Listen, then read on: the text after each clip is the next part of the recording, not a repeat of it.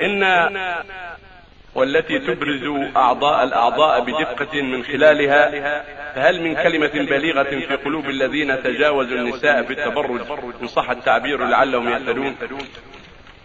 الواجب على الرجال ستر العورات فإذا كانت العورة مستورة بالإزار الساتر ما بين السرة والركبة فالباقي ما يضر. ولكن إذا كان الملابس كلها جيدة على البدن كله كان أكمل وأجمل. لكن المهم ما يكون ما بين السرة والركبة مستورا بسراويل أو أزر صفيقة ساترة ما ترى منها صفات العورة. لا سوادها ولا بياضها ولا حجمها. هذا هو الواجب. والنساء أشد في ذلك بين النساء والرجال.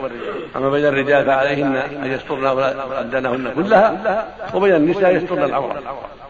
الحاصل إن الثوب الشفاف كالعري كالعاري. هذا معنى كاسيات العاريات. ثوب رقيق أو قصير هذا عاري.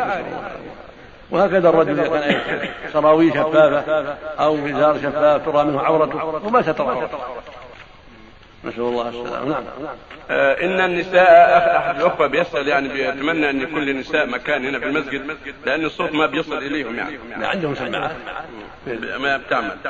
نعم. ما بتعمل. السماعات يعني معطلة. جاء أحد الأخوة الحين يعني بيخبرنا في عمر؟ السماعات معطلة. في عمر؟ العيد؟ في عمر؟ عمر فيه؟ لا يعلم. إن شاء الله. آه